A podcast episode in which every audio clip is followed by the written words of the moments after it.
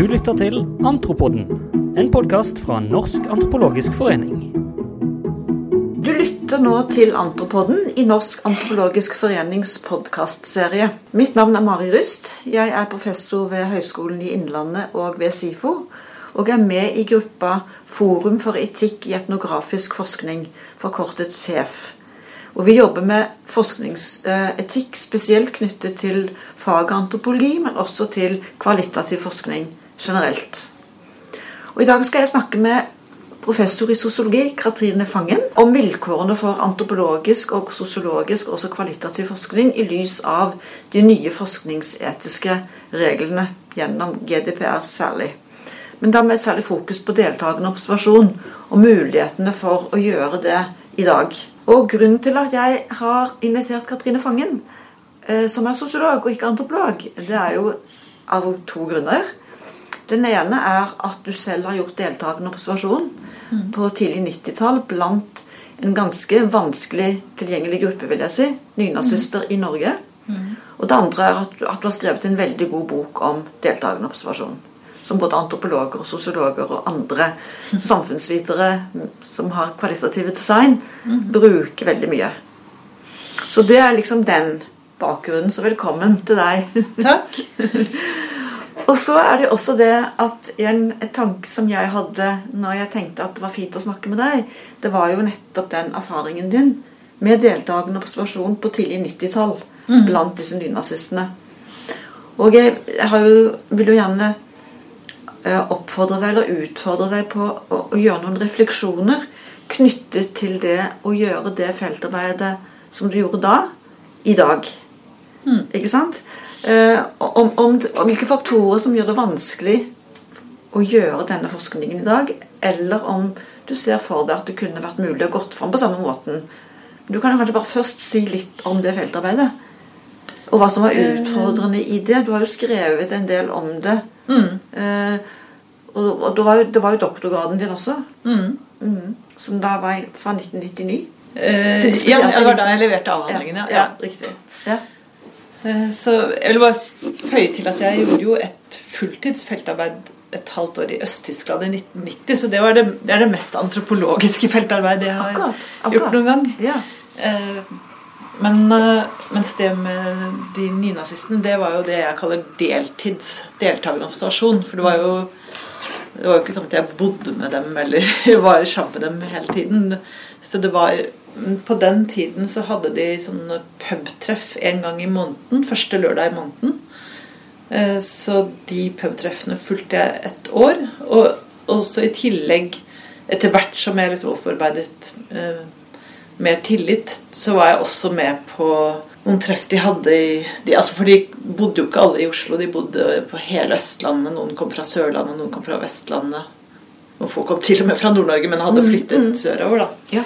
Så det var jo et veldig sånn sammensatt miljø med folk fra mange steder, og med folk med en ganske ulik sånn, grunn for å være med der. Så det var alt fra sånn nynazistiske skinheads til, til noen som så helt normale ut, men var ganske ekstreme mm. ideologisk. Mm. Mm.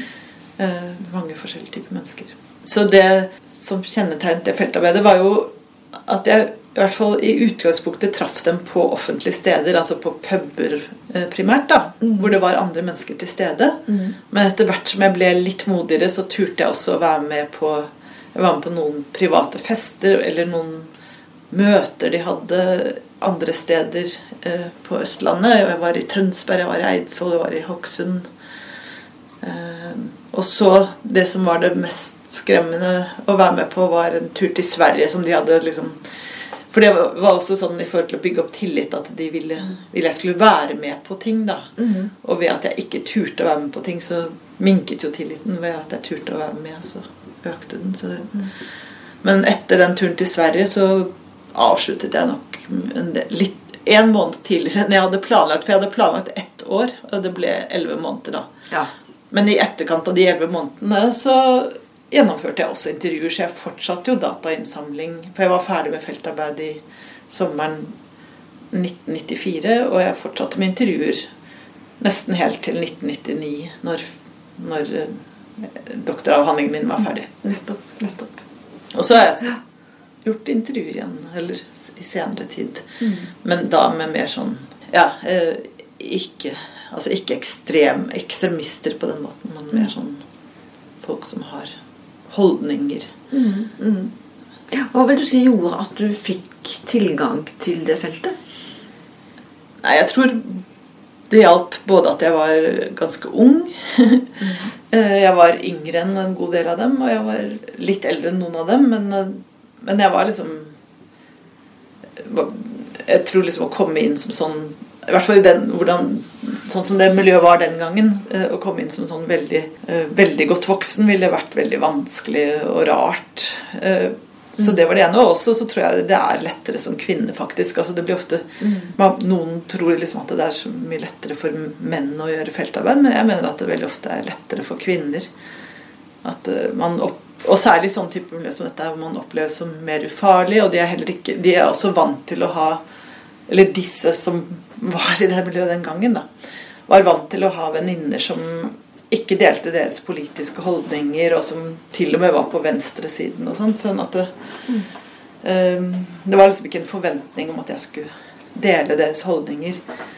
Det var jeg klar på allerede første gang jeg traff dem. Da, at jeg mm. sa liksom ja, jeg er i hvert fall ikke rasist. Mm.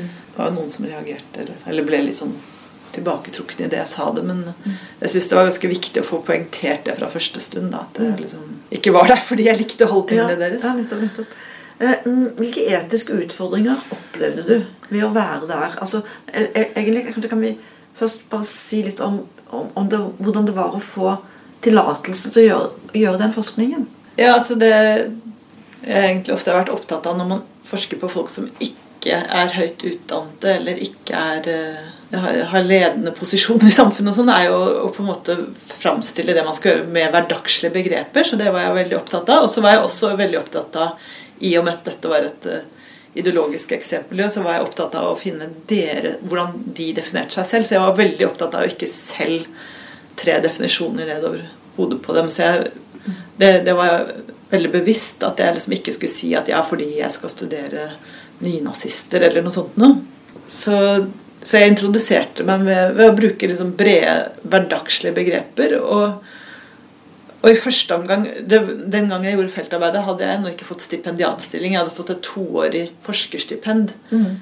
Så det var ikke sånn at jeg det var ikke soleklart at det skulle bli en doktoravhandling, men jeg skrev, sa at jeg skulle skrive en bok om skinheads. da. Mm.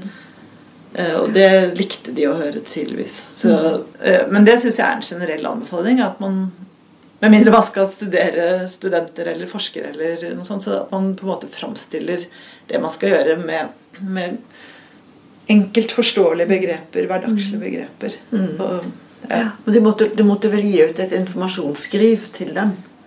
Nei, eh, det, ja, det, var muntlig samtykke. Så jeg, muntlig samtykke, Ja, nettopp sånne ting er viktig å liksom bare Ja. ja. Mm. Eh, så jeg fortalte det, at jeg skulle skrive en bok om skinheads, og om jeg fikk lov å følge dem. Mm. Også fordi det var jo opptil flere lederpersoner til stede den kvelden, og i og med at de eh, syns, likte eller var enig at jeg skulle følge dem, så, så fikk jeg innpass, selv om det var noen andre Det var alltid noen som var mer skeptiske og sånne ting. Men, mm. Eh, mm. ja, og jeg mener jo i de fleste feltarbeid så er jo, er jo det mest naturlige muntlig samtykke, med mindre man skal liksom forske på en La oss si en uh, workshop eller gruppe som skal møtes over tid i møtelokaler. eller sånn, det, Da er det jo lett å dele ut samtykkeskjema. Men, mm. men, er du i en landsby, eller skal du altså, følge mennesker i litt mer sånn mm. uh, uformelt uh, løst organiserte mm. situasjoner, så er og hvor det kanskje er forskjellig hvem som er til stede til enhver tid, så er det ganske Min erfaring også med samtykkeskjema i en del intervjustudier jeg har gjort, er at når det ikke ikke er høyt utdannede folk eller, eller folk med ledende posisjoner som du skal intervjue, så er det mange som blir mer skeptiske heller enn mindre ved å få et samtykkeskjema. De føler liksom Dette var visst veldig alvorlig. Hva er det jeg forplikter mm. meg til nå? Mm. Mens ved å kunne framstille ting muntlig og svare på spørsmål og ha en samtale rundt det, mm. Så kan man mye mer bygge tillit da. Mm. Men hvordan syns du det er mulig i dag, da? Altså, igjen. Tenk deg at å gjøre den samme studien i dag med nye GDPR-retningslinjene, og du sitter jo selv i i Oslo Met sitt faglige råd om forskningsetikk. Hvordan ville man gått Ja, det- fram i et det- sånt studium i dag? Ja, Det jeg har skjønt kan være et ekvivalent til samtykkeskjema, er jo at man tar opp på bånd da, et samtykke. Så det er vel det man måtte gjort, med mindre man vil dele ut samtykkeskjemaer. Men det er det vi har gjort i den studien jeg er med på nå. Eh, Da har vi, vi stort sett endt opp med å, å ta opp samtykke på bånd. Eller altså på eh, lydopptak, da. På lydopptak, ja. Nettopp. Ja. nettopp. Ja. Men, men tror du at du ville fått muligheten til å gjøre den type studie i dag? Hvordan Eh, ville du gått fram da? Eller, altså, man kjenner jo NSD, eller noe som heter SIKT. Man kjenner disse ulike retningslinjene og disse kravene som har kommet de senere årene, som mange syns er vanskelig å forholde seg til i akkurat den type forskning, hvor man ikke kan sette ned tydelig på forhånd hva man skal gjøre, hvem man skal snakke med, hvem man skal møte, hvem som skal inngå i studien. Sånn som man ofte får et inntrykk av at i hvert fall NSD på en måte forventer. da. Mm. Nei, nå har jeg jo veldig mange studenter og stipendiater som jeg har veiledet gjennom tidene, så jeg har vært gjennom veldig veldig mange sånne NSD-søknader. Ja. Og jeg syns jo stort sett at det fungerer veldig greit. De har, man søker, og så en måned etterpå så får man tilbakemelding, og så er det ofte en del ting kommunikasjon fram og tilbake på meldinger, hvor man til slutt kommer til en enighet. Altså Så det jeg syns egentlig det har vært mest rigid på, som jeg kanskje har vært litt uenig i avgjørelsene, det er egentlig mest med internettforskning. Hvor, eh, hvor jeg mener at så lenge man lagrer eh, materiale på et helt sikkert sted, sånn som tjenester for Altså TSD, som skal være en helt sikker plattform, så bør det holde at man anonymiserer i etterkant i det man publiserer, og i det man eh, ja, skriver ting som etter hvert blir offentlig. Da. Fordi at F.eks. hvis du har et eh, materiale innhentet fra internett med la oss si 4000 kommentarer fra kommentarfelt eh, Og hvis du da i det du lagrer skal anonymisere hver eneste uttalelse, så det sier seg selv at det lar seg ikke gjøre. Men det er det de krever, eller i hvert fall har krevd i et par av de avgjørelsene jeg har vært med på. Men når det gjelder feltarbeid, så, så må man vel sannsynligvis da ta opp samtykke muntlig, da. Altså å, å bruke båndopptaker. Men det er jo Det skaper jo selvfølgelig problemer sånn La oss si at du gjør et feltarbeid i en landsby, så skal du gå rundt hele tiden. Altså, ja, ta opp fortløpende samtykk muntlig. For det, tidligere også så har man jo brukt muntlig samtykke, men du har ikke trengt å dokumentere det overfor andre enn deg og informanten dere imellom når dere snakker, på en måte.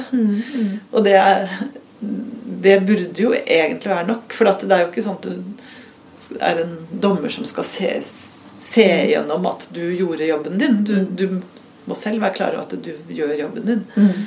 Så samtykke har jo vært veldig viktig tidligere òg. Jeg har ennå ikke etter GDPR og lovgivningen vært med på noen søknad til NSD eller sikt som har handlet om, om den typen feltarbeid. Jeg har vært med på flere søknader som har med intervjustudier eller internettdatastudier. Men Har du sett noen barrierer som har dukket opp da etter ditt opprinnelige feltarbeid, sånn forskningsetisk? Altså sånn barrierer som er nå, men som ikke var den ja, gangen? ja. Mm. Nei, det er, jo det, som, det er jo først og fremst dette med samtykke som har blitt veldig strengt. Det er vel, og, det, og, og GDPR-lovgivningen er jo laget ut fra gode intensjoner. Da. Det er jo for å ivareta folks personvern. Jeg har selv blitt intervjuet et par ganger de siste årene. Den ene gangen så fikk jeg et samtykkeskjema, men så fikk jeg høre at dette kan du se på i ro og mak og levere. Og så ble det aldri etterspurt. Og, så, og da kjente jeg faktisk på en sånn Ja, men men de har jo ikke sett hva jeg For da kunne jeg velge mellom ulike alternativer. Ville jeg lese gjennom før publikasjon? Ville jeg anonymiseres helt eller ikke? Og de fikk jo aldri de svarene, da, for at jeg, jeg kunne selvfølgelig selv tatt initiativ til å levere det, men det, det ble liksom aldri noe av.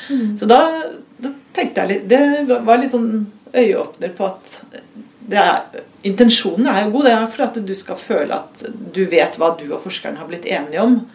Og du vet at det kommer til å bli ivaretatt, for det er skriftlig mm. avtale om det, på en måte. Så, men, er, men, jeg har jo f.eks.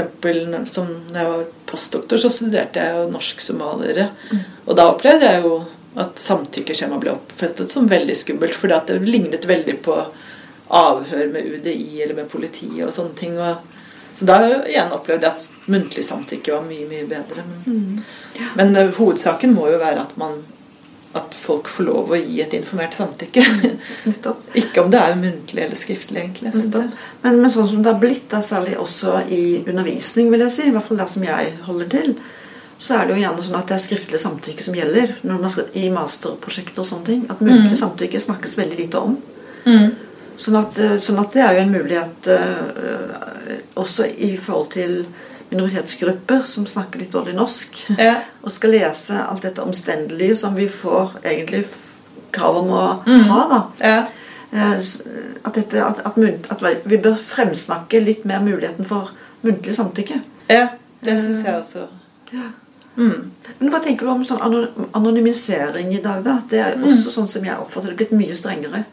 Uh, at man, altså, Litt sånn som Jeg skrev jo en artikkel i Norsk antropologisk tidsskrift om mm. det. Om det skal være sånn at man skal anonymisere så mye at den man og de man skriver om, ikke kjenner seg igjen.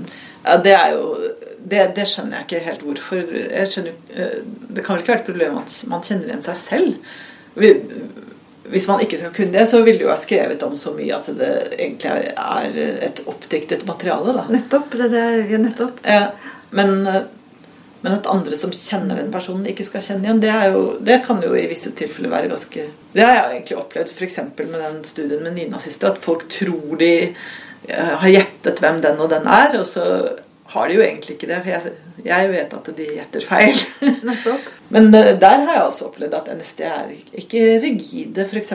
så har jeg hatt en intervjustudie nå hvor de eh, godtar at vi ikke anonymiserer organisasjonene som folk er tilknyttet. Og noen ganger så står, eh, er de da lederpersoner i den organisasjonen. Sånn. Så da er de helt åpenbart indirekte identifiserbare. Men, men det er ikke så, så sensitivt materiale på en måte at det Dessuten så er dette personer som også da uttaler seg eller skriver offentlig. Mm. Og da står de jo for det de står for. Ja. Så, mm. ja. Men du skriver litt i den artikkelen her, eller det bokkapitlet som jeg har lest, 'Researching the Far Right Theory, Method and Practice'. Så skriver du det, også dette her med at eh, det å stille for mange spørsmål mm. om hvorfor og hvordan og hva, mm. at det kan komplisere ja. Eh, relasjonen litt. Kan du si, utdype det litt? Ja, det er jo litt avhengig av hva slags type miljø eller mennesker man studerer. Da. Men akkurat i denne type miljøer så er jo det eh, er det et miljø hvor de, er, de blir overvåket av politiet, og de eh, har kanskje tystere som har infiltrert miljøet sitt. Eller de har infiltratører, eller de har egne folk som velger å tyste, f.eks. Og sånn, og da er de skeptiske hvis man er for nysgjerrig og liksom spør og graver. Og det var litt eh, interessant, for at jeg, han ene ledfiguren sa omtrent nøyaktig det samme som han Dock i William Foot Whites studie. Som var, Dock var liksom gjenglederen i en sånn italiensk slum da, som han studerte. Mm. Og han sa sånn Du skal ikke stille så mye spørsmål. Du, du lærer det du trenger å lære bare ved å henge rundt. Og det var egentlig akkurat det samme jeg fikk høre. da. Mm. Og det stemte egentlig. Mm. Ja. Da, og det er jo en, en spesiell eh, tilnærming innenfor kvalitativ forskning, og særlig da innenfor antropologi. Det der med mm. bare få henge rundt, få være til stede. Ja. Som mange har opplevd det har vært vanskelig å fått aksept for gjennom en sted. For at man skal liksom sette opp veldig ja. tidlig og detaljert hva man skal gjøre. Og så vet man ikke det. Men det passer jo bare til intervjustudier. For intervjustudier eh, vet jo hva du skal spørre om, men, mens i et feltarbeid er jo nettopp at du ikke hele tiden skal spørre. Du skal på en måte la den naturlige situasjonene flyte. Nettopp. nettopp. Mm. Så hva, hva, vil du si altså hvis, hvis, det blir sånn at færre velger å gjøre, den type design fordi at det er vanskeligere å få godkjenning for det, eh, hva, hva vil du tenke det gikk utover? Ja, Hvis det blir sånn at feltarbeid ikke blir mulig, det ville jo vært utrolig Eller deltakende observasjon. Ja. Da tenker jeg det der å ikke ha et veldig sånn strikt mm. eh, forskningsdesign når, når, man begynner studien. Men jeg, jeg tror jo jeg, Nå har jeg jo ikke vært med på en søknad om feltarbeid etter de nye reglene. Men eh, jeg vil jo tro at, at feltarbeid vil bli godtatt. Bare at Poenget vil vel være at de vil kreve at man beskriver så godt man kan hva studien handler om, og at hvis det blir endringer av hva den handler om, så skal man på en måte informere om det underveis. da. Mm. For de kan jo ikke kreve at man skal hele tiden gå rundt og gjøre strukturerte intervjuer når man gjør feltarbeid, for jo, da bryter man jo på en måte litt med prinsippene i metoden. da. Mm. Ja, nettopp. Mm. Ja. Um, du sitter som jeg, som jeg sa, sentralt i Oslo Met sitt faglige råd eh, om forskningsetikk. Uh, har du gjort deg noen tanker om de mest sentrale utfordringene i dag for deltakende observasjon? Spesielt da, og, og, og da kvalitativ forskning generelt. Er det, ser du noen endringer fra når du kanskje var mest på den gangen i, på 90-tallet, og i dag? Det, det, er jo de endringene vi har, har snakket om nå, ja. først og fremst, egentlig. Mm. Mm. Så hva legger du vekt på da, når du, når du sitter i den uh, altså, nå, der? inntil nå så har vi faktisk snakket best om mandatet vårt, og, om, og at vi har sett litt på Oslo OsloMet hva det er av opplæring i forskningsetikk, eller hva det er av mangler på oppfølging av forskningsetikk. Eh, så vi har ikke kommet i gang med å diskutere konkrete saker ennå, da. Men eh, så det blir jo veldig spennende når vi kommer i gang med det. Det virker som det har eh, egentlig ikke blitt innarbeidet noen gode sånn varsl varslingsrutiner. Eller at folk mm. som jobber på Oslo OsloMet ennå ikke er klar over den muligheten, kanskje. Jeg vet ikke. Men, mm. Mm. Så det gjenstår litt å se hvordan vi kommer til å jobbe i praksis. Men vi har i hvert fall snakket veldig grundig rundt hva som skal være rollen vår. Mm, nettopp, nettopp. Men ser du noen utfordringer i GDPR og behandlingsansvaret som Oslo OsloMet forvalter i dag? Ikke noe mer utfordringer med Oslo OsloMet enn med alle andre undervisnings- og forskningsinstitusjoner. Men, men, jeg føler jo at Eller det opplever jeg jo generelt også når jeg snakker med kolleger òg. At, eh, at, det er jo ganske nytt for de fleste av oss, dette her. Og, vi, og hvordan det kommer til å bli Altså om, om, det kommer til å innebære store endringer eller ikke, det er jo fortsatt litt uklart, da. Så jeg tenker kanskje bare at det har blitt enda mer sånn Enda mer bevissthet rundt personvern og, og sånt. Så, så, det blir enda mer vektlegging av det både i undervisningen og, og i forskningspraksis. Men det betyr jo ikke nødvendigvis at vi Jeg tviler jo Jeg, jeg syns det ville være veldig rart hvis det var sånn at man ikke skulle kunne utføre feltarbeid igjen. Det, mm. Det tror jeg ikke er tilfellet. Det, Nei, det, det ikke jeg heller. Nei. Nei. Det, er bare, det, er bare, litt kanskje hvordan man skal argumentere for å gjøre det, mm. som kan endre seg litt. Ja. Og som, som, krever litt av forskeren, da. Eller mm. av studentene, kanskje særlig. Mm. Jeg vet ikke hva slags inntrykk du har av hva slags design de fleste velger i dag. Da. Særlig studentene, tenker jeg. Altså, er der som jeg jobber på i Høgskolen i Innlandet så er det vel nesten ingen som gjør deltakende observasjon. Altså Det er stort sett bare intervjuer ja. det går i. Ja, det er mye intervjuer. Ellers er det internettdata en del. Ja. Mm. Av studenter her. Men det er jo også knyttet til Cerex, og der er det jo noen som gjør feltarbeid også. Mm. Men da er det jo, Og jeg har også vært veileder for noen stipendiater som har brukt litt deltakerobservasjon, men da har det vært f.eks. av demonstrasjoner og andre sånne offentlige hendelser hvor de hvor det blir mer vekt på observasjon enn deltakelse. da, altså Hvor du står litt sånn på sidelinjen og, og så kanskje prater litt med noen oppmøtte og sånne ting. Men, men, det blir ikke et sånn langvarig feltarbeid. Det blir mer sånn kortvarige feltøkter, egentlig. Mm. Ja, nettopp. Ja. Men hvordan ser du Hvordan vil du eh, tenke deg rundt fremtiden til etnografisk forskning? Hvordan ser den ut, tenker du, i lys av de retningslinjene som vi har fått?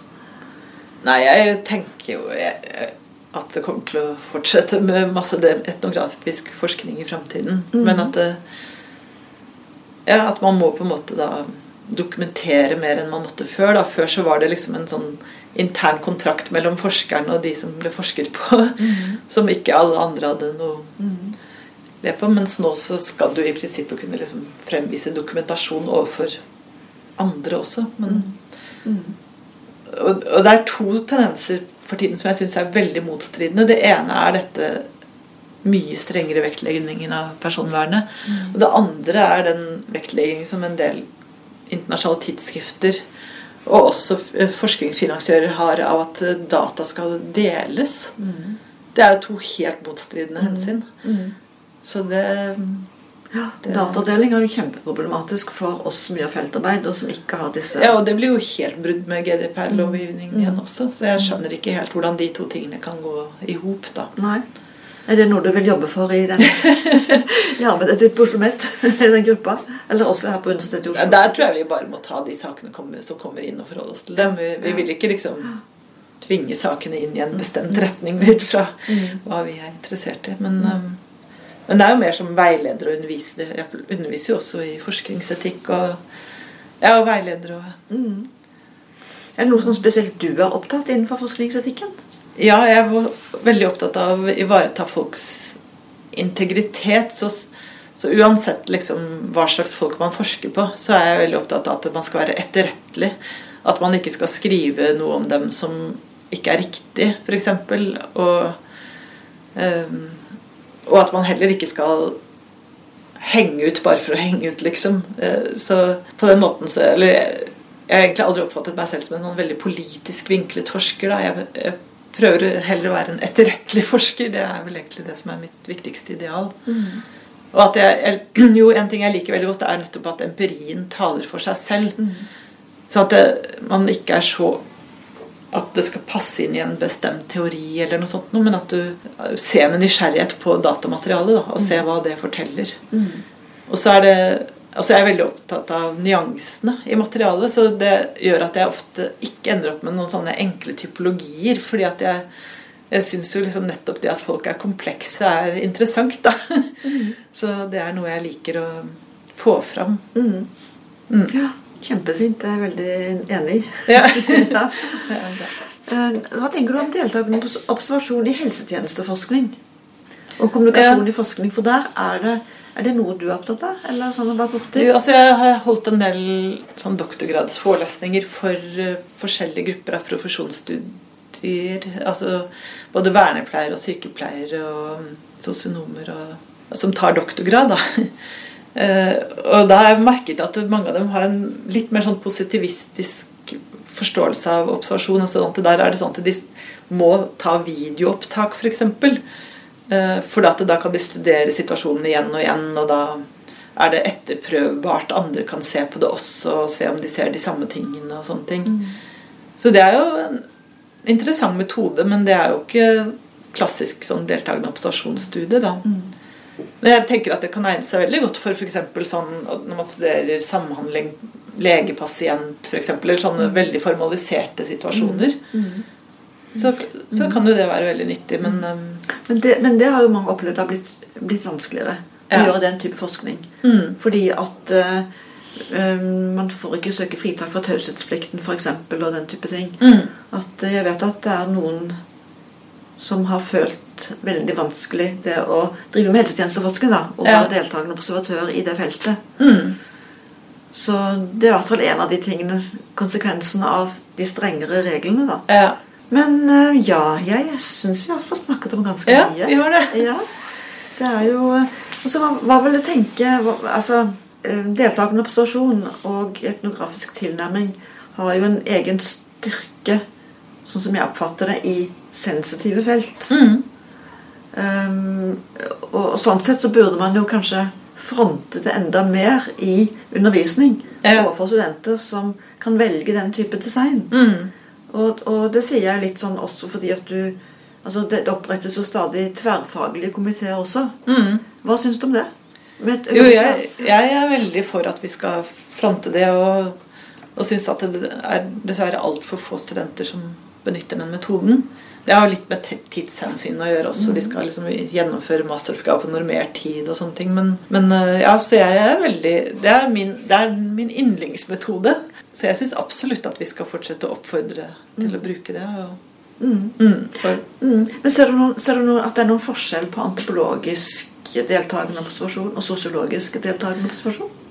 Nei, jeg, jeg, er egentlig litt uenig i at det er så stor forskjell. Eller, altså, for Hvis du ser på sosiologiens historie, da, som jeg har skrevet om, så, så gjorde man jo langvarig feltarbeid, ofte over to-tre år, men da gjerne i slumstrøk i storbyen. Eller dro, man dro ikke til liksom en, en, stamme i Afrika, men, man, men, det har vært veldig mye forskjellige sånn minoritetsgrupper eller religiøse grupper eller subkulturer eller gjenger eller ja, forskjellige grupper som bor i samme land som forskeren, men som har en helt annen kultur gjennom at de er ja, enten en minoritetsgruppe eller på en annen måte. da. Mm. Så, så, jeg mener at, at uh, den form for feltarbeid har vært en del av sosiologisk vokabular helt fra starten av. Mm. Men så er det selvfølgelig veldig mange sosiologer som tilhører en helt annen metodetradisjon. da. Mm. Men, eh, men, det har jo vært hele tiden i sosiologiens historie at man har hatt ulike metodetradisjoner. Mm. Ja. Så forskjellen er kanskje mer at antropologer tenker på det som sin metode ferdig. Men sosiologer har liksom et knippe av ulike metoder de bruker. Mm. Mm. Ja, det er ikke så lett alltid å se om det er en sosiolog eller en antropolog som har gjort et, en deltakende observasjon i Norge, f.eks. Nei, nei, det er det ikke. Nei. Mm. ok. Ja. Eh, har du lyst til å si noe mer om nei. dette? Nei. Syns jeg har sagt veldig mye. ja. Da sier jeg tusen takk til deg. Det var takk selv. I like måte.